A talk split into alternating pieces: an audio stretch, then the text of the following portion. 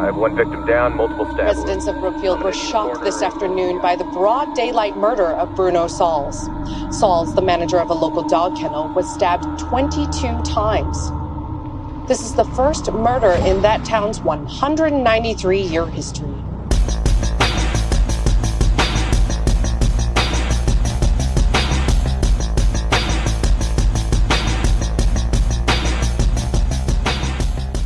Velkommen i kassen med David Bjerre, så har vi fat i gyseren The Conjuring, The Devil Made Me Do It fra 2021.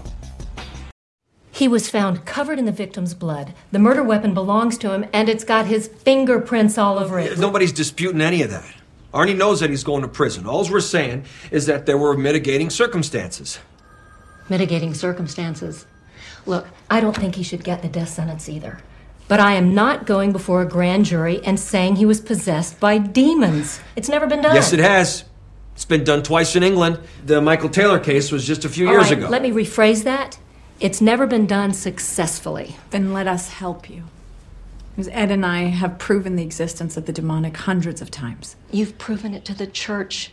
This is a court of law. The standards of evidence are completely different. The court accepts the existence of God every time a witness swears to tell the truth. I think it's about time they accept the existence of the devil. Jeg havde faktisk overvejet at sætte mig ned og gense The Conjuring 1 og The Conjuring 2 fra 2013 og 2016 henholdsvis. Øh, altså inden jeg skulle se den her film, men jeg droppede ideen igen, fordi tanken var, at det måske var bedre at gå frisk ind til den her historie, uden at have fået sine øh, gysermuskler masseret på samme måde som i to andre film. Altså det, fordi så ville der tre, tre af den her type gyserfilm, man skulle se i træk. Så, øhm, så det var i hvert fald derfor, øhm, jeg ikke genså de to første film. Men så må jeg også ligesom i samme sætning indrømme, at øh, de to første Conjuring-film, de føles egentlig ret langt væk for mig, må jeg indrømme. Igen, den, den seneste af dem var fra 2016. Øh, jeg har ikke set nogen af de her efterfølgende øh, øh, spin-off ind imellem film, øh, Annabelle og hvad de alle sammen hedder. Den eneste, jeg har set af de her mellemliggende film, det er The Nun fra 2018. Så selve Conjuring-universet er en lille smule langt væk fra mig for, på, på nuværende tidspunkt, må jeg indrømme. Men, men det går nok alt sammen. Vi, vi kaster os ud i det alligevel. Vi, øh, vi, vi tager det fra toppen og ned, som man siger. Som altid, når vi er tilbage i hovedserien, hoved Conjuring-serien, så har vi igen fat i Ed og Lorraine Warren, de her paranormale efterforskere, og, og de er tilbage for at efterforske endnu en sag om dæmonisk besættelse. Den her gang har vi fat i noget, der er øh, baseret på en sand historie fra 1981. Det kommer vi tilbage til. Øh, I den her sag, der blev Arnie Johnson anklaget for mor. Hans forsvar var, at det var djævlen, der fik ham til at gøre det. Og øh, han påstår simpelthen, at han var besat af en ond ånd, da det her mor skete, og, øh, og, og, og sådan er det. Det er ligesom udgangspunkt for den her film. Men før vi når til det, så starter filmen med forhistorien. Vi ser, hvordan Arnis kærestes lillebror, tror jeg det er, ja, øh, den 8-årige David, øh, han, er, han er offer for en voldsom besættelse, og, og, og Warren-paret er, er til stede, og der er familien, og der er en præst, og det lykkedes dem at få den her dæmon ud af knægten, men i stedet for, så hopper den her dæmon ind i Arnie, og så har vi balladen. Kort tid efter, så myrder Arnie brutalt en anden mand. Men igen, han påstår jo, at han var besat af den der dæmon. Så det er, det er det. Og den der påstand er ligesom det springende punkt i den her historie, fordi det skal simpelthen bevises i retten, at han var besat af en dæmon, den her fyr. Og Warren-paret skal hjælpe med at bevise den påstand. Så de må grave ned i forhistorien og finde ud af, hvorfor er lige denne her familie, der blev øh, mål for dæmonen, og, og hvad er det for en dæmon, og hvad, hvem har tilkaldt den, og hvem, hvad ved de, og, og, og, og alt muligt den slags der. Øh, og den her efterforskning, den viser sig altså at være farligere end noget af det, som, som Warren-paret har været involveret i tidligere. Øh, sagen er forbundet til nogle andre mystiske begivenheder, nogle andre mor, og det bliver tydeligt, at det måske har noget at gøre med en, en gruppe satanister. Øh, det er måske dem, der står bag den her dæmon af en eller anden grund, det som vi selvfølgelig skal finde ud af. Så spørgsmålet er, kan Ed og Lorraine optravle den her sag og finde beviser, der er gode nok til at overbevise retten? Og så hører det selvfølgelig også med, at de skal, de skal hjælpe den stakkels Arne, øh, inden han bliver opslugt af den her dæmoniske tilstedeværelse, der har, der har, øh, der har fundet sig, indfundet sig i hans krop. Og det, det, det, det, det skal høre jo også med. De skal jo også redde den her stakkels fyr fra en, fra en grusom skæbne. Det er historien i The Conjuring. The Devil Made Me Do It. Og filmen her, den er instrueret af Michael Chaves. Det var ham, der også lavede The Curse of La Llorona fra 2019. Og så har han åbenbart også instrueret Billie Eilish's Barry a Friend musikvideoen. Så det, det men ellers har han ikke lavet så forfærdeligt meget. Patrick Wilson er selvfølgelig tilbage i rollen som Ed Warren. Vi har hvis nok ikke haft ham i kassen sådan umiddelbart. Han har jo lavet sådan noget som, øh, i de sidste par mange år har han jo lavet sådan noget som øh, Midway og Aquaman og, og The Commuter, og så dukker han op i de her Insidious-film og, og øh, Conjuring-filmene, og så dukker han op i de her sidehistorier, Annabelle Comes Home og The Nun og sådan noget, i hvert fald som en cameo-agtig ting. Det er Vera Farmiga, der igen spiller Lorraine Warren, og øhm, hende har vi haft i kassen tidligere. Hun har været med i Godzilla King of the Monsters og Captive State. Og så har hun selvfølgelig lavet Bates Motel tv-serien de sidste mange år, hvor hun spillede øh, Norma Bates. Det var meget sjovt. Så har vi Rory O'Connor som Arnie Johnson, ham der bliver besat af den her slemme ånd, og han har været med i uh, The Spanish Prisoner tv-serien og The Postcard Killings. Det er Sarah Catherine Hook, der spiller Debbie, som er hans kæreste og Davids søster. Hende har jeg ikke rigtig set i noget andet. Så er det Julian Hilliard, der spiller David, altså den her lille knægt, der, der, der starter med at være besat, og han har været med i masse ting, både The Haunting of Hill House og Color Out of Space og WandaVision tv-serierne. Og så dukker John Noble også op i en lille rolle som en tidligere præst. John Noble kender vi selvfølgelig fra Lord of the Rings-filmene og fra Fringe tv-serien. Det er sådan, øh, ja, den, den vigtige del af rollelisten her i The Conjuring, The Devil Made Me Do It. He that hath clean hands and a pure heart, who hath not lifted up his soul unto vanity, nor sworn deceitfully, he shall receive the blessing from the Lord and righteousness from the God of his salvation. All right, that's enough. Thank you.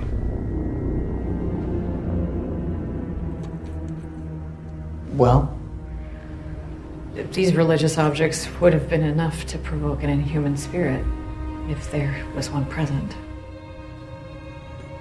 does that mean he's not possessed? The fact that he can read from the Bible just seals it. So what, what does this mean then? I'm just crazy. Well, you're not possessed. But that doesn't mean that you weren't. det her med The Devil Made Me Do It, det er jo sådan en velkendt sætning, man har hørt i mange sammenhæng, og det, øh, øh den blev åbenbart øh, gjort berømt af den her, specifikt den her rigtige retssag, som The Conjuring 3, lad os bare kalde den det for nu af, øh, som The Conjuring 3 er baseret på. Øh, en, en højt profileret retssag, der... Øh, der udspillede sig i 1981, i, øh, da den her såkaldte Satanic Panic kulminerede. Øh, op gennem 60'erne og 70'erne, så havde der været sådan en stigende fascination i USA med det okulte og, og med dæmoner og besættelser og eksorcisme og alt det her. Der er nogen, der siger, at Rosemary's Baby fra 1968 var sådan startskuddet til den her fascination. Øh, bogen udkom året før i 1967, så, så det er der omkring det sådan startede. Øh, der, har, der har selvfølgelig også været noget snak om det før, men, men Rosemary's Baby var virkelig en, en stor ting. Øh, så kom Exorcisten jo også i 1973. Bogen kom et par år før, og den hjalp i hvert fald heller ikke, øh, den film. Og, øh, og så lad os heller ikke glemme, at, at øh, i slutningen af 70'erne fik vi jo også The, øh, The Amityville Horror. Øh, øh, bogen øh, er, kom nogle år før, øh, 79, kom i 77, og, og selve sagen er vist nok i 74, hvis jeg husker det øh, rigtigt. Altså den sag, som Amityville Horror er baseret på, som Ed og Lorraine Warren også var involveret i. Så, så ligesom om det, altså det tager sådan til op igennem 60'erne og 70'erne og kulminerer det i slutningen af, af, af 70'erne, starten af 80'erne. Så, så det er der, vi er i den her situation, hvor den rigtige retssag udspiller sig. Folk ser besættelser og ukulte ting over det hele, og djævlen er overalt, og det er altså meget forfærdeligt. Det, det, det, det er det punkt, vi er på i USA. Men før vi går videre i historien om, øh, ja, Conjuring 3 her, hvad der skete egentlig i den her retssag og alt det her løjse, så lad os lige hive fat i det her Warren-par i centrum af historien, i centrum af Conjuring-franchisen. Øhm, de elsker jo det at have med øh, dæmoniske besættelser og, og efterforske det paranormale, og øh, det har de gjort en hel karriere ud af. Jeg har skrevet tonsvis af bøger og dukket op i masser af tv-interviews dengang. Og øh, det, det, de render rundt og laver, er det ren vås, for at sige det ud. De er Looney Tunes øh, skudt i hovedet crackpots. Altså alt, hvad de går og tror og, og mener, at de har oplevet, er enten opdigtet eller totalt forvrænget. Altså, de er nuts. Lad os få det på plads med det samme. Men fidusen er jo, når vi hopper ind i sådan en Conjuring-film, så leger vi jo med på ideen. Vi sidder jo ikke og fact-checker sådan en, en, en eksorcisme eller okult besættelsesfilm, når man, når man ser den. Altså, vi, vi, vi hopper med på ideen, ja, der, øh, de jager dæmoner, og det er altså meget fint, og øh, altså, der, der vil jo ikke være en historie, hvis man holdt sig til sandheden, så det er fint nok, vi køber løgnen, og så øh, der er dæmoner, eksorcisme, rock on, here we go. Det, det er en del af pakken, vi køber, når vi hopper på sådan en Conjuring-film.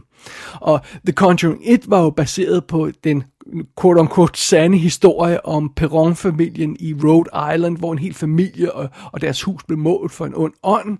Øh, så det, var, det var baseret på en quote-unquote rigtig historie, og Conjuring 2 var også øh, baseret på en quote-unquote, det skal man, man skal de her air quotes på hele tiden, når man siger det her. Øh, øh, Conjuring 2 var også fokuseret på en rigtig historie, den berømte Enfield Haunting i England. Men The Conjuring 3, eller The Devil Made Me Do It, er en lille smule spøjs, hvis man ser den op ved siden af de to andre film. Fordi historien fokuserer på den første retssag i USA, hvor dæmonisk besættelse blev brugt som forsvar. Okay, umiddelbart så lyder det meget sexet, og umiddelbart passer det meget godt ind i Conjuring-universet, men man skal ikke dykke særlig langt ned i den virkelige sag for at opdage problemet. De tabte retssagen. Manden blev dømt skyldig, og dæmonforsvaret holdt ikke. Det er den meget berømte sag, som Conjuring 3 er baseret på. Og fundamentet i denne her øh, historie, det er jo simpelthen, at Warren-paret skal bevise i en retssag, at det nonsens, de render rundt og snakker om, er virkelig. Og det lykkedes ikke. Og det, det sjove ved det hele er, at det ender filmen med at må indrømme til sidst, før credits ruller. Øh, men den gør det sådan i en tekst. Der, der er ingen sådan scene, der viser, at de tabte retssagen, og, og, og, det blev, og de ikke kunne bevise, at der findes dæmoner og alt det her løjse. Øh, der står bare sådan en tekst, hvor der stod, og bla bla bla, så skete det her i virkeligheden, by the way. lad os komme hurtigt videre. Øh, og faktisk, hvis man ikke rigtig lige læser det her tekstskilt, og, og lige bemærker det, eller, eller kigger væk et øjeblik, eller drikker sin cola. Hvis man, ikke, hvis man gør det, så kunne man godt tro, hvis man bare ser filmen, at, øh, at de vinder sagen til sidst. så, så, øh, så, så elegant øh, øh, hopper filmen ligesom uden om øh, det, der, det, der egentlig er fakta i sagen, nemlig at de tabte den her retssag. Og øh, Øh, det, det, det er lidt lille smule spøjst, at, at, at man så vælger den historie i en Conjuring-film. Og en anden spøjst ting omkring The Conjuring 3, det er jo så, at hele ideen omkring det her The Devil Made Me Do It, det er jo simpelthen, at det skal handle om en retssag. Øh, det er forsvaret i retssagen. Men filmen ignorerer selve retssagen. Der er to korte glimt fra retslokalet. That's it. Øh, Conjuring 3 bruger den her retssag som springbræt for sin historie, men vi følger Ed og Lorraines efterforskning. Vi følger ikke selve retssagen. Den er nærmest ikke nævnt. Så derfor så synes jeg, at The Conjuring 3 føles uærlig. Den bruger en rigtig sag, men ignorerer det, der gjort sagen berømt, nemlig selve retssagen, og, øh, og så danser den elegant uden om det faktum, at Ed og Lorraine totalt fejlede i den her situation, hvor de skulle bevise deres evner, hvor det virkelig galt om at bevise deres evner. De fejlede, når det galt. Og, og, og, og det, det, det, ja, det synes jeg ikke er så kønt for den her film. Men før vi overhovedet når til øh, konklusionen i den virkelige historie, øh, og, og hvad det endte med, så skal vi jo selvfølgelig igennem øh, det, det, den her specifikke historie, som The Conjuring 3-filmen har valgt at fortælle. Og den starter altså med at vise os den her sag om den besatte knægt, David, den her 8-årige knægt, og øh, øh, så ser vi, hvad der sker der, og så ser vi videre, hvad der sker med Arnie, da han bliver øh, øh besat og, og, og, og laver sit mor, og, øh, og, og, så er det, og, og så er det selve hovedhistorien starter her i Conjuring 3. Ed og Lorraine Warren skal efterforske baggrunden for den her dæmon, der skulle være skyld i, i alt det foregående der. Øh, øh, øh, øh, begge de her besættelser, de har været involveret i den her familie. Og på det tidspunkt, når, når Ed og Lorraine rent faktisk går i gang med at efterforske den her sag, så er vi 30 minutter ind i den her 110 minutter lange film. Så hele den første halve time er simpelthen setup for det, der, det, det, den her efterforskning, vi skal i gang med i den her film. Og når vi så går i gang med historien, som den her film egentlig vil fortælle, så går vi øjeblikkeligt tilbage i historien og ser, hvad der sker før David blev besat i første omgang. Og imens vi ser det, så følger vi også Ed og Lorraines arbejde i filmens nutid, om jeg så må sige. Og det arbejde leder dem videre til en ny sag i en anden by, hvor en pige blev dræbt og en anden pige forsvandt. Og den sag skal Warren-paret så lige hurtigt efterforske for at komme videre i den aktuelle sag. Og imens alt det sker, så må den besatte Arnie altså gennemgå sin helt egen, egne trængsler i det fængsel, hvor han er lukket ind i og isoleret i, mens han stadigvæk er delvis besat af den her dæmon. Og, og det, det, det er sådan set ikke fordi, at, at man mister overblikket, eller historien ikke giver mening, eller det er svært at følge med. Men det her, det er sgu en rimelig fragmenteret historie. Altså, Ed og Lorraine, de render rundt i halve USA og jager spor, og den person, som det hele handler om, som er målet for den her besættelse, han er det helt tredje sted og, og, og lukket inde, og øh, det jeg synes, de to første film i Conjuring-serien gjorde så godt, det var det her med, at vi fokuserede på en familie, og vi fulgte den familie, og de havde et problem, og de var hver især i et hus. Og det var et klart tydelig fokus for historien, øh, både for historien og for gyset involveret i den her historie. Men The Conjuring 3, den strider i alle mulige retninger, og det påvirker altså både historien, der er lidt noget råd, og det påvirker forholdet til karaktererne, som man aldrig kommer rigtig tæt ind på, og så påvirker det også selve gyset. Tag endelig ikke fejl, The Conjuring 3 er en velproduceret gennemført film. Den ser vanvittigt flot ud, og der er nogle virkelig lækre, virkelig flotte momenter undervejs i den her film. Men når det gælder selve gyset og den uhyggelige stemning, så mangler filmen altså noget gennemslagskraft.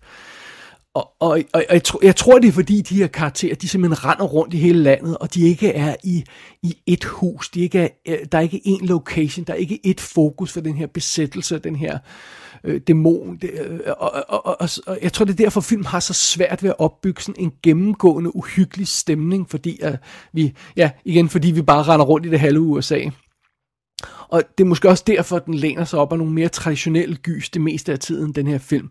Der er masser af de her velkendte chokscener, hvor et eller andet hopper ud af skyggerne. Dem er der mange af. Og faktisk vil jeg våge den påstand, at hovedparten af gyserscenerne i den her film er noget nær identiske.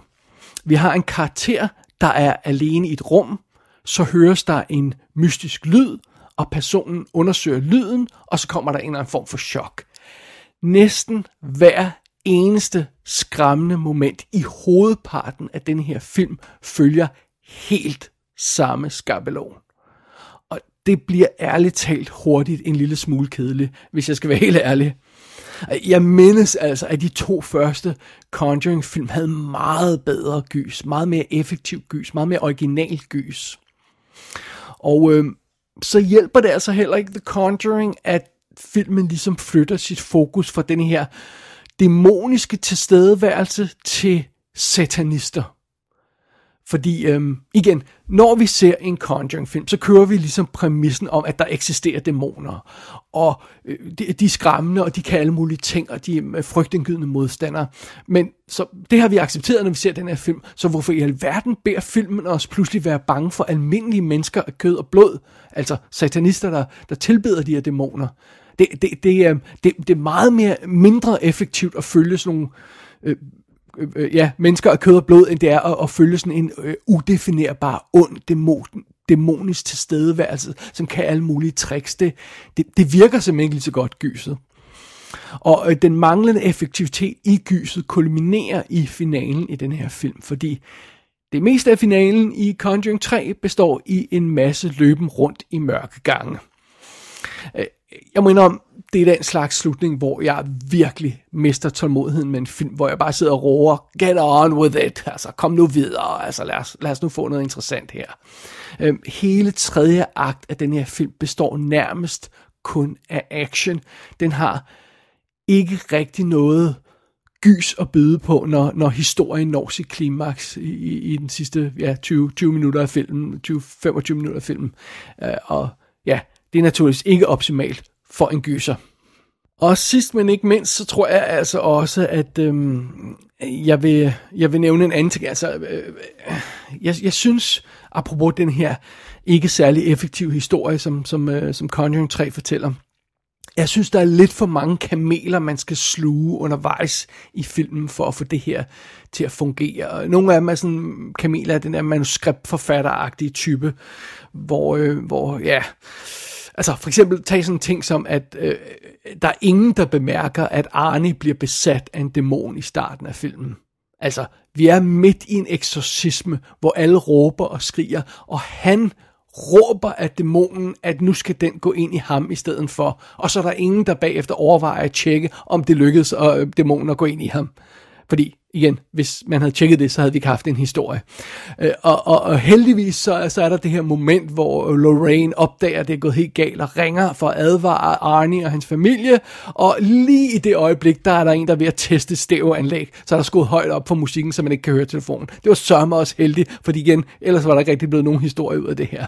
Og, og, og, og, og det er sådan lidt hoaxer løsning, at der bare virker sådan akavet. Det behøvede man egentlig ikke at gøre, men jeg tror godt, man kunne, man kunne man kunne slippe afsted med at, at løse de, de her problemer, de her scener på en ordentlig måde, men det gør filmen altså ikke. Og så synes jeg også, der er mange momenter i den her film, hvor man er sådan lidt, øh, altså, det her Warren-par, de, de, de, de, de er jo vant til at have med det her dæmonisk shit at gøre, men de er godt nok skødesløse nogle gange. Altså, nogle af de ting, som, som, som de kommer til at gøre, der sådan igen bringer historien videre. De er godt nok lidt, lidt pinlige, og jeg sidder også hele tiden og overvejer, har de slet ikke lært nogen tricks af alle de der sager, som de har været involveret i?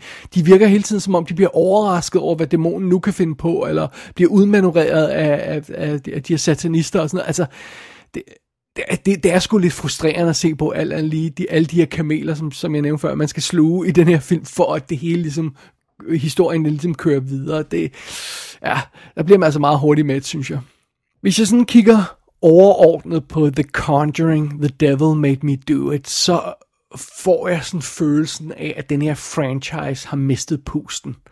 Øh, hvad der end var friskt og originalt ved de to første film, det har den her træer i hvert fald ikke. Og, og hermed ikke sagt, at filmen slet ikke fungerer. Den er lidt uhyggelig her og der, og og jeg indrømmer blankt, at jeg var en lille smule bange for at gå ud og hente øh, nummer to ka- kop kaffe midt i det hele, fordi ja, så trods alt er der nogle ting ved filmen, der virker. Det er en lille smule skræmmende at se, sidde og se den her film helt alene om natten med alt lyset slukket og, og sådan noget. Så øh, øh, igen, det er ikke fordi filmen slet ikke virker. Men jeg var altså slet ikke så skræmt ved den her film, som jeg var ved de to første film. Øh, øh, de, var, de, de to første Conjuring-film var virkelig skræmmende. Den her træer var bare sådan lidt eh, små uhyggelig her og der. Og øh, ah, det, det må siges at være, være, være, være svagt for en gyserfilm. Det, det, det vil jeg våge at påstå. Men øh, jeg tror ikke, det stopper øh, Conjuring-franchisen for at fortsætte, og hvorfor skulle det også det? Altså, vi fik jo øh, 12 fredag den 13. film, så hvorfor ikke, øh, øh, altså, og Conjuring-filmen er oppe på nummer 7-8, eller hvad, hvad meget er vi efterhånden, så, jamen altså, rock on, den kan jeg sagtens fortsætte, og efter sine så er der jo både en The Nun 2 og en The Crooked Man på vej. Jeg tror stadigvæk, de er under overvejelse i hvert fald, uden at, at der er rykket så meget på de produktioner endnu, men de kommer sikkert down the line. Så ja, ja, ja. Conjurings-franchisen øh, fortsætter, det er jeg sikker på, og, og jeg glæder mig allerede til The Conjuring 8, Lorraine Takes Manhattan. Eller hvad med The Conjuring versus Annabelle versus The Nun in Space? Ja, måske den film kan bringe gyset tilbage til Conjuring-serien.